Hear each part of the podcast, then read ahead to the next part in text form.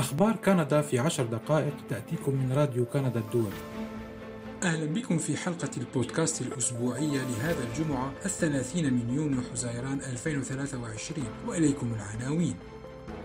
مطالبة ترودو بالتوقف الفوري عن احتجاز المهاجرين غير الدائمين. جوجل ستزيل روابط الأخبار في كندا ردا على القانون C 18 كندا تسهل هجرة المهنيين الصحيين إليها.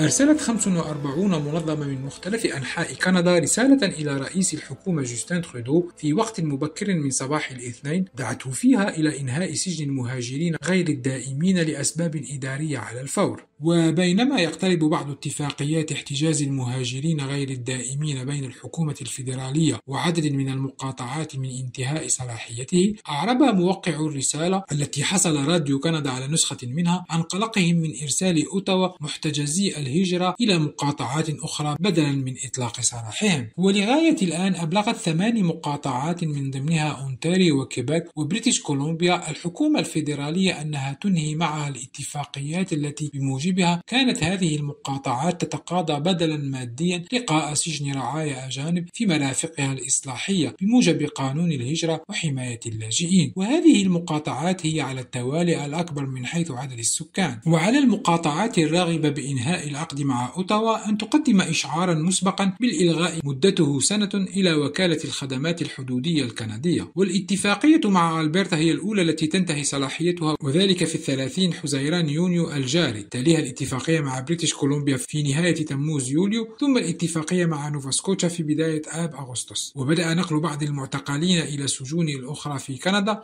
وفقا للرسالة المذكورة التي وقعها محامو هجرة وعيادات قانونية ومراكز دعم للاجئين ومنظمات دفاع عن حقوق الإنسان. بدلا من نقل الأشخاص من مقاطعة إلى أخرى من أجل إبقائهم قيد الاحتجاز يجب على الحكومة الفيدرالية الاستثمار لتطوير برامج محلية لبدائل مجتمعية للاحتجاز. جاء في الرسالة الموجهة أيضا إلى وزير السلامة العامة ماركو مينديتشينو ووزير الهجرة واللاجئين والمواطنة شون فريزر. ووقع وزيران فيدراليان سابقان ينتميان للحزب الليبرالي الحاكم لويد أكسورثي وآلان روك الكلمة التمهيدية المرفقة بالرسالة المذكورة. ويرأس أكسورثي المجلس العالمي للاجئين والهجرة وروك هو من بين أعضائه. وقال الاثنان إنهما من بين آلاف الكنديين الذين يدعون حكومة ترودو الليبرالية إلى إظهار روح القيادة ووضع حد لانتهاكات حقوق الإنسان في نظام الاحتجاز الخاص بالهجرة. يجب استقبال طالبي اللجوء والمهاجرين غير الدائمين في كندا بكرامة واحترام لا تجريدهم من إنسانيتهم واحتجازهم كما أضاف الوزيران الليبراليان السابقان. ويشار إلى أن وكالة خدمات الحدود الكندية تحتجز آلاف المهاجرين غير الدائمين سنويا ويتم احتجاز الغالبية العظمى منهم لأن الوكالة تخشى أن يتغيبوا عن موعد متصل بإجراءات الهجرة يكون الهدف منه على سبيل المثال ترحيلهم من كندا.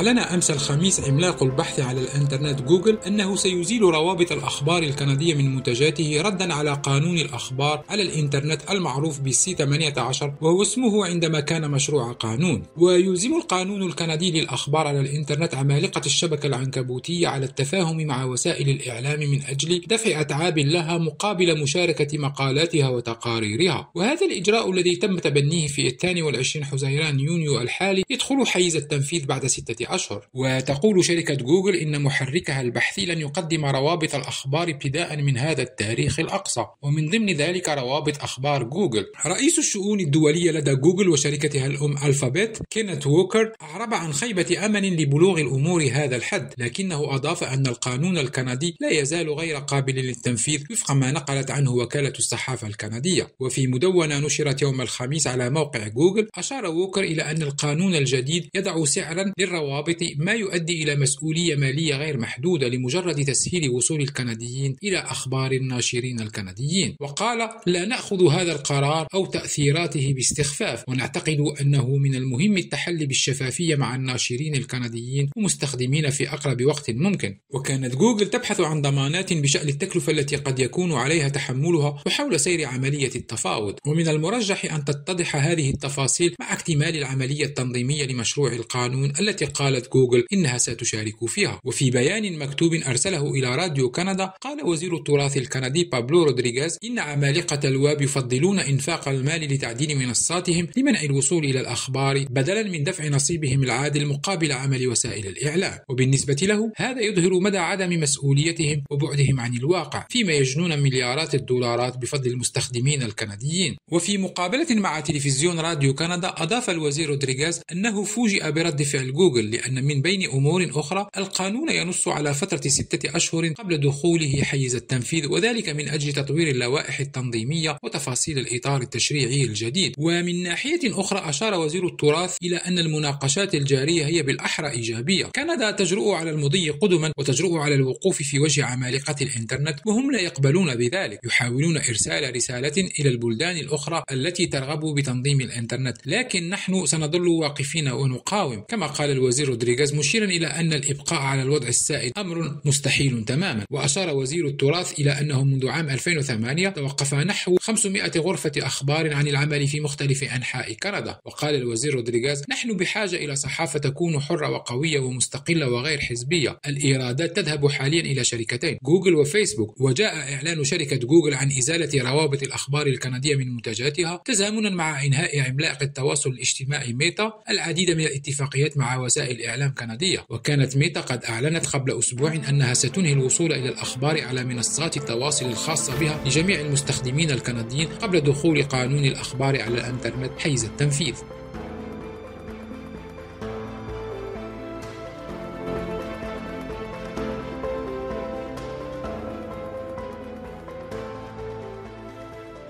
أعلنت الحكومة الفيدرالية أنها ستستخدم نظام الهجرة الكندي لتوظيف المزيد من العاملين في مجال الرعاية الصحية. وهم من الذين يكثر عليهم الطلب في كندا التي تواجه نقصا حادا في بعض المهنيين في هذا المجال مثل أطباء الأسرة. وجاء الإعلان على لسان وزير الهجرة واللاجئين والمواطنة شون فريزر وزميله وزير الصحة جون إيف ديكلو خلال حدث في مدينة بيدفورد في مقاطعة نوفا سكوشا الأطلسية. إذ كشف عن بوابة دخول سريع للمهنيين الصحيين في برنامج الهجرة الاقتصادية. وقال الوزيران إن إشعارا سيتم إرساله قريبا إلى 500 عامل صحي أجنبي يدعوهم لتقديم طلب للحصول على إقامة دائمة في كندا. وسيحصل 1500 عامل آخر على دعوة الأسبوع المقبل. وستوجه الدعوات إلى أطباء وممرضات وأطباء أسنان وصيادلة وأخصائيي علاج فيزيائي وأخصائيي بصريات أجانب كجزء من جهود الحكومة الفيدرالية لمعالجة أزمة رعاية صحية تعود بنسبة كبيرة إلى نقص في الموظفين. الملايين والوضع صعب فعلا. فهناك نحو 6 ملايين كنديين ليس لديهم طبيب أسرة. وفقا لبحث أجرته مؤسسة أنجلس ريد المتخصصة في استطلاعات الرأي وعمليات المسح. وتفتقر كندا أيضا إلى أطباء متخصصين. ومن المتوقع أن يصبح النقص في عدد الأطباء أكثر حدة خلال خمس سنوات فقط. إذ تشير البيانات الفيدرالية إلى أن كندا ستفتقر عام 2028 إلى حوالي 44 ألف طبيب. من بينهم أكثر من 30 ألف طبيب أسرة وممارس للطب العام. وقال قال شون فريزر وزير الهجرة الكندي إن مهنيي الرعاية الصحية يعملون على مدار الساعة لتوفير رعاية على مستوى عالمي للأفراد في المجتمعات المحلية في كافة أنحاء كندا. ولكن ليس سرا أن نظامنا الصحي يحتاج إلى المزيد من العمال لمواصلة تقديم الرعاية الجيدة التي يستحقها الناس في كندا. ومن جهته قال وزير الصحة الكندي لا يوجد قطاع النقص في يد العاملة فيه أكثر بروزا من قطاع الرعاية الصحية. هذا الإعلان سيسهل طلبات الإقامة الدائمة ويسرعها ويبسطها. متوسطها وسيساعد في تحسين جهود توظيف القوى العاملة الصحية من خلال جلب المزيد من المهنيين الصحيين المؤهلين إلى كندا كما قال الوزير دوكلو ومن جانبه أوضح الوزير فريزر إنه بين عامي 2017 و 2022 استقبلت كندا حوالي 21 ألف عامل في مجال الرعاية الصحية بمعدل يزيد قليلا عن 4000 عامل سنويا. وأضاف أن الهدف الآن هو استخدام حوالي 8000 عامل رعاية صحية من الخارج سنويا. وفي حين أن الحكومة الفيدرالية ملتزمة باستخدام المزيد من المهاجرين العاملين في مجال الرعاية الصحية إلا أن هذه العملية لا تشكل علاجا لكل ما يعاني منه النظام الصحي في البلاد. فهذا الإعلان لا يتطرق إلى مشكلات مستمرة تتعلق بالاعتراف بالشهادات الأجنبية وهو أمر تعهدت أيضا الحكومة الفيدرالية بمعالجته مع المقاطعات والأقاليم. فالترخيص الطبي من صلاحيات المقاطعات والأقاليم حصرا لكن الحكومة الفيدرالية وعدت بمزيد من المال للمساعدة في تبسيط هذه العملية الصعبة. كنتم تستمعون إلى بودكاست أخبار كندا في عشر دقائق الذي يأتيكم من راديو كندا الدولي. مع تحياتي أنا سمير بن جعفر.